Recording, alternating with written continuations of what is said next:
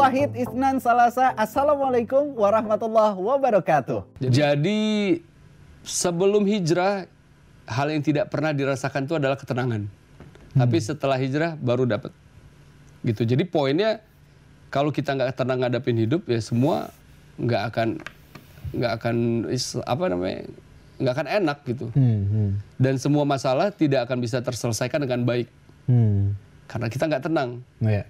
Gitu. Zaman dulu itu ya bayangin, yang pertama tadi anak tunggal. Hmm. Anak tunggal egonya gede nih. Hmm, Terus seniman, ditambah lagi ego seniman, gitu. Nah jadi dua ego ini aja udah cukup untuk untuk membuat kita tuh eh, hidupnya gak tenang, hatinya gak tenang.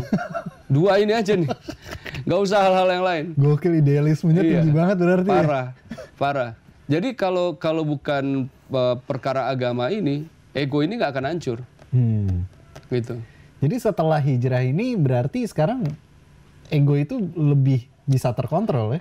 Eh, ego yang dulunya itu buat diri sendiri, sekarang justru buat orang banyak.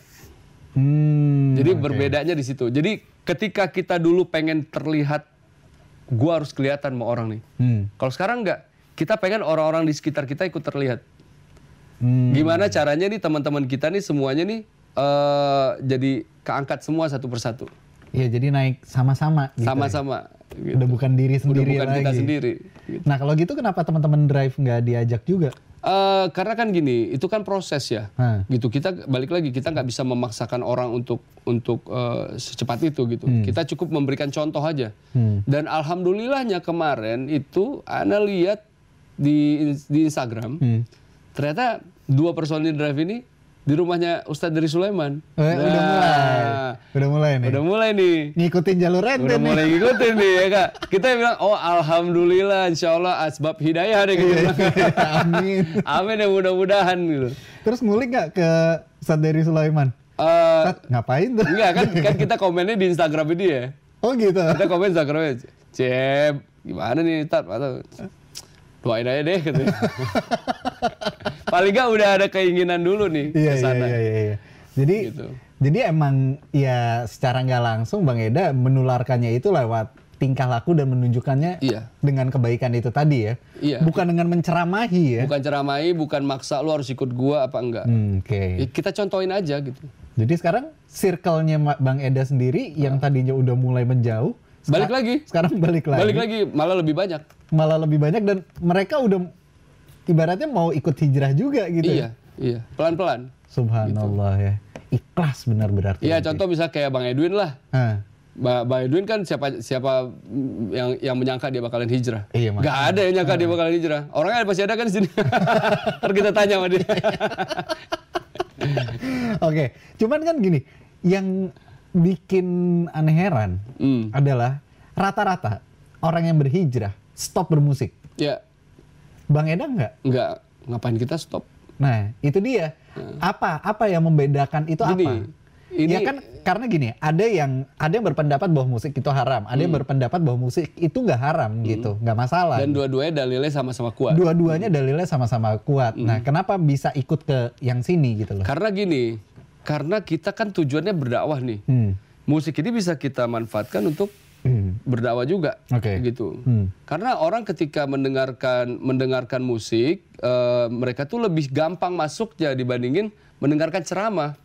Oke. gitu. Hmm. Jadi gini, kalau ada orang bilang eh dakwah itu dakwah itu di masjid, salah. Ja, dakwah itu di luar masjid. Hmm. Masukin orang dari luar masjid ke dalam masjid. Oke. Itu namanya dakwah. Hmm. Kalau di dalam masjid udah gak perlu didakwahin, orang udah ada keinginan di masjid, ngapain? Iya. Gitu. Nah, jadi jadi ada hal-hal hal-hal tertentu yang tidak bisa yang tidak bisa dilakukan oleh eh, oleh ulama-ulama misalkan gitu. Ada ada jangkauan-jangkauan yang mereka nggak terjangkau gitu. Itu tugas tugas kita. Hmm. Gitu. Nah, kenapa Anda masih tetap bermain musik? Yang pertama balik lagi, dakwah itu bu- apa eh, hijrah itu bukan merubah merubah eh, apa yang kita kerjakan sebenarnya gitu, tapi merubah hubungan kita sama Allahnya kan. Hmm. Kan semuanya itu tergantung niat. Gitu. Iya, Kalau iya. niat kita niat kita bermusik ya buat buat berdakwah, Hmm. ya itu akan jadi dakwah. Gitu. Tapi kalau misalkan eh suaranya fals terus masih maksain buat nyanyi ya itu menzolimi orang baru haram Polusi kuping. ya baru haram gitu nah jadi Oke. eh, jadi balik lagi kita bisa memanfaat- memanfaatkan apa pun itu gitu toh Iya. maksudnya di dunia musik ini juga juga jangkauannya jauh lebih luas di- Benar, benar. dibandingin eh, yang lain-lain Jadi musik dipakai sebagai sarana dakwah. ya Bahkan sekarang bikin Takaida and the Hijrah ya. nah eh Takaidah and the Hijrah itu sebenarnya waktu awal-awal dulu Oh itu awal, awal justru. Hmm, awal justru awal tapi oke. teman-temannya balik lagi mereka punya kesibukan masing-masing Dari band-band ternama semua kan? Iya, ada ex ex drummer ada band, Hmm. terus eh, Gangsta Rasta. Kok gue nggak pernah diajak sih? Gua nggak ketemu lu 10 tahun. Enggak, gue kagak bisa apa-apa. kan paling nggak bisa kendang-kendang. Rebana. Rebana ya kan. Nah, jadi ada siapa lagi? Ada pemain keyboardnya Ungu dulu, Iya. terus ada gitarisnya Winner. Hmm. Jadi ini gabung semua lah waktu itu gitu Oke. kita. Nah, ternyata memang eh, ribetnya di jadwal. Hmm. Balik balik lagi situ ribetnya di jadwal. Itu bikin itu karena apa? Karena bikin single atau apa? eh sebenarnya bukan karena single duluan gitu, tapi karena memang yuk kita bikin buat siapa tahu ntar ada panggungan-panggungan eh, ini nih konser-konser religi nih, gitu kan waktu itu. Ya tujuannya awalnya buat itu. Tapi ente yang bikin kan itu, ah, yang pertama iya. kali itu kan. Takaida and the Hijrah itu. Kayaknya ada hijrah. Jadi The Hijrah ini bandnya. Oke. Gitu. Setelah hijrah ini, dalam proses bermusik nih apa yang pengen dicapai lagi? Iya kalau semua musisi sih pasti pengennya eh, lebih lebih tinggi lebih tinggi lagi ya gitu. Maksudnya pencapaian itu pasti nggak cuma hanya di sini, pasti pengennya di luar dan segala macam. Ya eh, itu itu udah udah kodratnya lah semuanya gitu. Hmm, hmm. Nah kalau pencapaian yang lain di dalam bermusik sih kayaknya untuk detik ini tuh udah sampai di titik yang eh, bukan peak ya tapi di titik yang tidak semua orang bisa ada di sana sebenarnya. Hmm. Jadi kalau anda nih saat ini nih kapan mau bikin lagu, kapan mau rekaman, kapan mau rilis, suka-suka aja, Bebas. bebas. Jadi Nah. jadi kasarnya eh, bikin lagu kita bikin lagu sendiri, Hmm. terus bikin musik kita juga sampai sampai prosesnya selesai, sampai mixing mastering selesai. Nah terus kita mau rilis, kita punya label juga sendiri. Hmm. Jadi maksudnya di di poin itu tuh ka- kayaknya kita udah eh, bukan kita tidak butuh orang ya. Tapi maksudnya kita udah bisa melakukannya dengan tim kita sendiri. Iya. Gitu yang di poin yang satu itu. Nah, cuma eh, balik lagi kan kita pengen nih pengen semua orang bisa mendengarkan lagu kita nggak cuma di sini. Iya. Gitu. Tapi kalau bisa di luar juga dan apalagi sekarang eranya udah global kan Hmm. gitu semuanya udah dunia gitu nah gimana caranya ya semua musisi pasti kepengennya gitu Jadi sekarang udah merasa di top level dalam bermusik belum? eh kalau di dalam bermusiknya udah Udah. udah karena eh, kenapa kenapa dibilang udah ya balik lagi ke yang tadi gitu kita udah bisa ngelakuin hal yang tidak Semuanya sendiri gitu semua kan? sendiri dan tidak semua musisi bisa melakukan itu Hmm. Gitu. oke, oke, oke. from ka- kasarnya tuh from A to Z udah di kita aja Ha, ha, ha. gitu Nah, kemarin kan sempat ngeluarin single itu apa? Indonesia Indonesia bahagia Indonesia Bahagia. Indonesia Bahagia, ya. Nah, itu gimana ceritanya tuh bisa ngeluarin Sebenarnya ini jawaban ini sama udah dengan udah terjawab dari, dari yang obrolan awal kita. Yang berbuat kebaikan itu tadi. Bukan, jangan mengeluh. Oh, jangan mengeluh. Iya, Oke. jadi jadi kan balik lagi semua sesuai dengan mindset kita. Hmm. Halo, kita negor dulu. Hai, ntar ya. Hai Bambang Hai. Bambang, Bambang. Gua salah ya? nah, jadi gini, eh kita tahu Indonesia sedang tidak bahagia saat ini. Bukan Indonesia doang, seluruh dunia. Iya, iya, iya, benar. Ha. Seluruh dunia ini nggak bahagia banget saat ini gitu. Hmm. Tapi kan balik lagi, ini kebahagiaan itu kita yang membuat, Oke. Bukan berdasarkan kejadian yang ada di lingkungan kita saat ini. Hmm. Jadi kalau kita sudah berhasil eh, membuat diri kita sendiri bahagia, itu mau apa pun yang terjadi kita tetap bahagia. Nah makanya lagu itu sebenarnya untuk eh, me- bukan merubah ya, mengarahkan mindsetnya orang-orang bahwa dalam kondisi apa pun kita tuh tetap harus bisa bersyukur dan bisa membuat diri kita bahagia Hmm. oke. gitu. Gak mungkin kita tuh sela- eh, apa namanya pengen untuk terpuruk terus dalam keadaan yang seperti ini Oke. gitu loh. Tu wa ga Nyanyiin dong. Hah? Nggak. Nyanyiin dong. Marilah bersama wujudkan Indonesia bahagia. Marilah saudaraku bersama kita wujudkan Indonesia bahagia. Kira-kira Raffi gitu. Oke, jadi emang ini ajakan banget ya. Ajakan. Untuk orang-orang untuk mau mereka ini merubah mindsetnya untuk membuat dirinya bahagia dan juga Ya. akhirnya Indonesia Indonesia bisa jadi bahagia. Gitu kan. Jadi kan balik lagi ya, semua tergantung mindset kita. Hmm, Gitu. Oke, oke. mindset oke. kita kita nggak bahagia, ya jadinya nggak bahagia. Udah. Hmm. Sesimpel itu sebenarnya. Nah, kira-kira cara utama bikin diri kita bahagia dulu tuh gimana? Cara cara paling penting itu adalah tawakal. Tawakal. Udah itu aja. Tawakal. Iya. Oke. Bertawakal aja.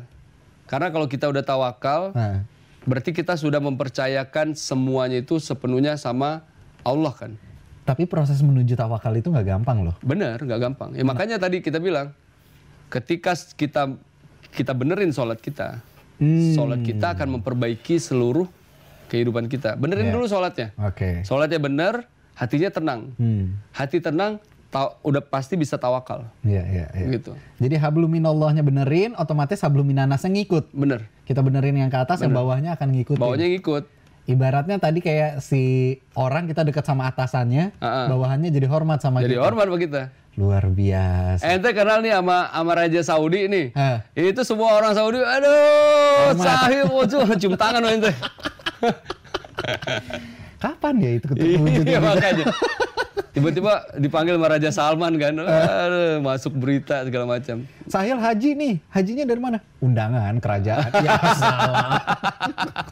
Orang langsung, oh siap siap Iya, siap, siap komandan. Oh iya langsung kan udah. Oke, nah eh, sempat lihat juga di sosmednya Bang Eda gitu kan, di situ ada highlight yang judulnya sedekah endorse. Sedekah endorse ya. Hmm, itu apa sih? Sedekah endorse itu jadi gini, jadi eh, kita tidak memungut biaya apa pun terhadap Hmm. barang-barang yang dikirim ke kita. Yang buat kita review gitu. Iya. Oke. Jadi tuh mereka udah lu kirimin aja barang-barangnya, Hmm. ntar gue review segala macam tanpa gue pungut apa pun. Waduh, gua kesindir. iya, itu namanya sedekah endorse. Apa pun. Apa pun. Mau itu pun dari brand besar sekalipun. Iya. Karena kan kita memang lagi programnya. Jadi kita nggak bisa ngebeda-bedain dong mau itu brand besar mau brand kecil. Iya, tapi kan kalau kalau gini kayak misalkan eh, ada satu brand, dia lagi punya campaign dan dia emang punya budget untuk itu. Ya, ya terserah aja kalau mereka mau kasih budget, alhamdulillah. Tapi kitanya nggak minta, gitu. Kirimin aja. Kalau mereka ngasih kita budget, ya itu berarti udah rezeki kita. Hmm. Tapi kalau misalkan eh, mereka mereka nggak ngomong budget, kita juga nggak nanya sama mereka. Kalau campaign itu kan berarti dia nggak ngirim barang, dia minta dibikinin video misalkan gitu kan. Kalau nah jadi gini. Jadi biasanya kalau sedekah endorse itu kita videonya bukan video profesional. Gitu. Jadi memang video dari handphone kita posting di sosmed Hmm. gitu. Rata-rata sih di Instastory ya, Iya. gitu. Nah, kalau memang serius banget ya ya ini udah kita urusannya udah bukan ke kita. Ke Bapak manajer. Berarti kalau yang brand-brand itu masuknya ke Pak Ya, manajer karena gitu kan ya? gini, karena kan maksudnya eh, ketika mereka udah pengen kita bikin video yang serius banget, itu kan udah urusannya udah muamalah, Hmm, hmm, udah bukan sedekah lagi, hmm. gitu. Karena kita harus menyediakan waktu kita eh, buat buat bikin buat syutingnya, Iya benar. terus buat ngedit dengan bener dan segala macam Iya. dan segala macam, terus ada insert-insertnya mereka di dalam, segala- itu kan maksudnya poinnya udah bukan ngomong masalah sedekah tuh, itu udah masalah muamalah. Hmm. Untuk orang-orang yang misalkan masih nerima endorse tapi dia ngasih tarif, nggak masalah kan? Ya nggak masalah kan, Nggak ini buat gua soalnya. nggak masalah dong kan maksudnya itu kan eh, Tawa-tawa aja lo produsernya. Kono, enak bener lo pada ngetawain lo. Kayaknya gue salah banget. karena kan gini maksudnya itu balik lagi ke kitanya lah gitu Oke. kita mau terima apa enggak gitu Hmm, hmm. nah kalau memang kita niatnya buat sedekah ya udah nggak usah terima Ini mulai dari kapan sedekah endorse ini? ya selama pandemi aja Oh, selama karena awal- kan gini gini kita tahu nih orang siapa pun pengusaha mau dia Hmm. mau dia jualan apa pun di masa ini kan pasti Susah. susah Iya. Gitu. Hmm. Nah, jadi kita ini membantu mereka lah dengan apa yang kita bisa bantu. Oke. Gitu. Oke. Jadi ya balik lagi ke pemikiran positif yang tadi gitu. Hmm. Yang pasti sih kita tidak pernah mengharapkan orang itu akan berbuat eh, sebaliknya pada kita gitu. Tapi kita cuma ngarap doang, maksudnya berharapnya sama Allah doang. Kita membantu orang, pasti Allah akan bantu kita Hmm, oke. gitu. Ya ini balik lagi ke mindset yang di awal Iya. ya. Kita menebarkan kebaikan Menebarkan itu tadi. kebaikan, kebaikan akan datang Oke. gitu. Nah, apa yang udah dirasain selama menggelar sedekah endorse ini dan bahkan sampai di highlight itu? Ya pokoknya intinya gini, alhamdulillah sih kita nggak pernah ngerasain yang namanya susah selama pandemi udah itu aja. Cukup ya? Cukup. Di Setiap bulan apa yang harus kita bayar, kebayar semua.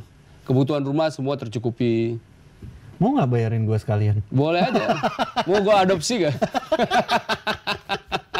Oh, kayaknya enak. iya. Dan maksudnya memang memang eh, apa ya?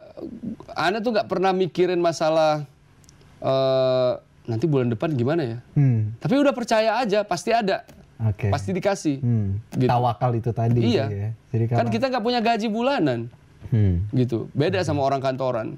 Yang tiap bulan ada Tiap pasti, bulan ada pasti, dan segala- Kita kan nggak nggak nggak seperti itu, gitu. Jadi Iya. jadi eh, benar-benar ngerasain hidup yang ya, real real kehidupan itu ya begini. Oke.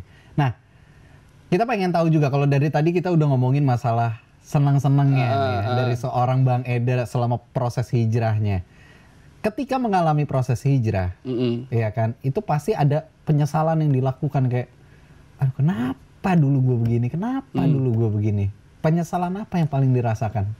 Kalau nyesel sih nggak nyesel, Hmm, karena kita berpikir bahwa ini tuh udah kadarullahnya, gitu. prosesnya emang. Udah udah memang memang harus lewat sana, lewat sini, lewat sana baru ketemunya sampai di titik ini. Hmm, Menyesal sih enggak. Cuma eh, cuma kepikiran kenapa nggak dari dulu ya? Kayak nikah ya. iya kayak nikah. Kayak nikah. Kenapa nggak dari dulu nikah? Nikah tuh enak ternyata. gitu. Bahkan mau lagi. ya. Bahkan, ini kalau dibahas panjang nih.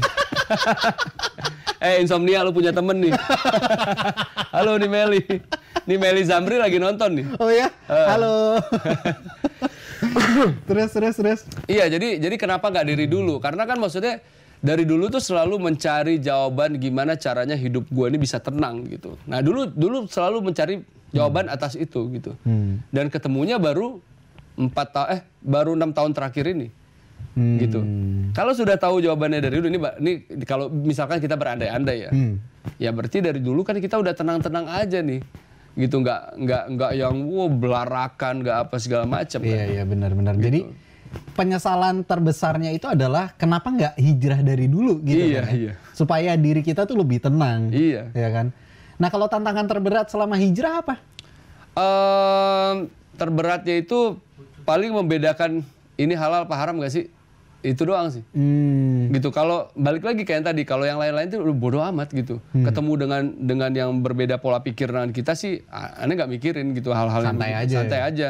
Udah nih gini, oke, ya bawa pikiran lo aja. Hmm, Gitu. Kita beda nih. Hmm. Kita beda, tapi ya udah gitu. Kita saling respect. Hmm. Itu nggak terlalu dipikirin. Cuma sometimes dia berpikiran, ini eh karena suka mikir aja. Ini ada dapat duit nih.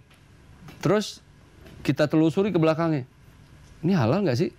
Ini haram nggak sih? Ini eh, paling di part itu doang. Oh iya iya. Jadi le- Gitu. lebih nyari ke arah sananya. Lebih nyari ke arah sana aja yang paling paling beratnya gitu. Oke oke oke. Jadi memang eh, kalau kita rangkum ya dari apa yang diobrolin sama Bang Eda ini, sebenarnya dalam proses berhijrah ini adalah proses untuk mendapatkan ketenangan hati. Iya. Proses untuk merubah kehidupan kita ini, hubungan kita sama yang di atas. Main di atas. Nah, caranya gimana? Caranya adalah satu dengan bertawakal. Iya. Ya. Nah, supaya bisa bertawakal ini, proses yang dilaku- dilakukan itu adalah dengan Memperbaiki sholat kita. memperbaiki sholatnya. Iya. Sholatnya diperbaiki, hubungan dengan yang di atasnya Ter- Iya benar juga. jadi baik, Jadi baik. otomatis habluminanasnya juga Jadi baik juga.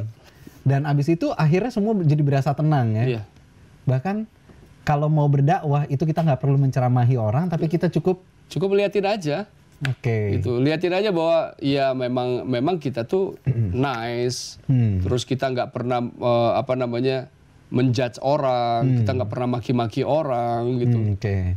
Ya itu cukup sih ya sebenarnya. Jadi tunjukkanlah akhlakmu. Subhanallah. gila, gila, gila, gila, gila. Gue udah cocok nih ganti Najwa Shihab. Bisa ya? Bisa ya? Bang Eda, thank you banget loh. Sama-sama, thank you, thank you. ngobrol di sini. Sama-sama. Terima kasih juga masukannya untuk sedekah endorse luar biasa. Alhamdulillah nih ya teman-teman insight semuanya akhirnya kita mendapatkan insight yang baru dari seorang Bang Eda gitu dari mana prosesnya yang dulu sampai sempat ada penolakan gitu ya. Akhirnya ketemu nasi padang. Pokoknya poinnya adalah gini. Eh, ini buat teman-teman yang ada di dalam juga, yang yang lagi nonton juga saat ini. Nonton Bigonya Nonton ya. Bigo juga saat ini bahwa eh, ketika kita hijrah itu kita bukan berarti menjadi orang lain. Hmm, Gitu. oke. Kita tetap menjadi diri kita sendiri, tapi yang kita benerin itu adalah hubungan kita sama Allahnya gitu. Benar. Nah, tetap aja lo jadi diri lo sendiri, lo rock and roll, rock and roll aja. Santai. Santai aja gitu, tapi ya benerin main di atas gitu. Oke. That's it. Siap. Insya Allah apa yang diomongin semuanya bisa kita terima dengan Ya. baik dan sekali lagi apabila ada perbedaan di sini jangan pernah dibawa baper ya Hmm. buka mata buka hati buka pikiran supaya ilmu itu bisa kita terima dengan ikhlas Amin. Amin. Jauh di lubuk hati kita bisa tahu nilai-nilai dari kebaikan dan juga kebenaran. Akhirnya eh Umaru Takeda ya. Apa? iya, Aka ini. Umar Umaru Takeda dan Sahil Mulahela pamit undur diri. Sampai ketemu lagi di lain kesempatan. Talata Isnan Wahid. Assalamualaikum warahmatullahi wabarakatuh.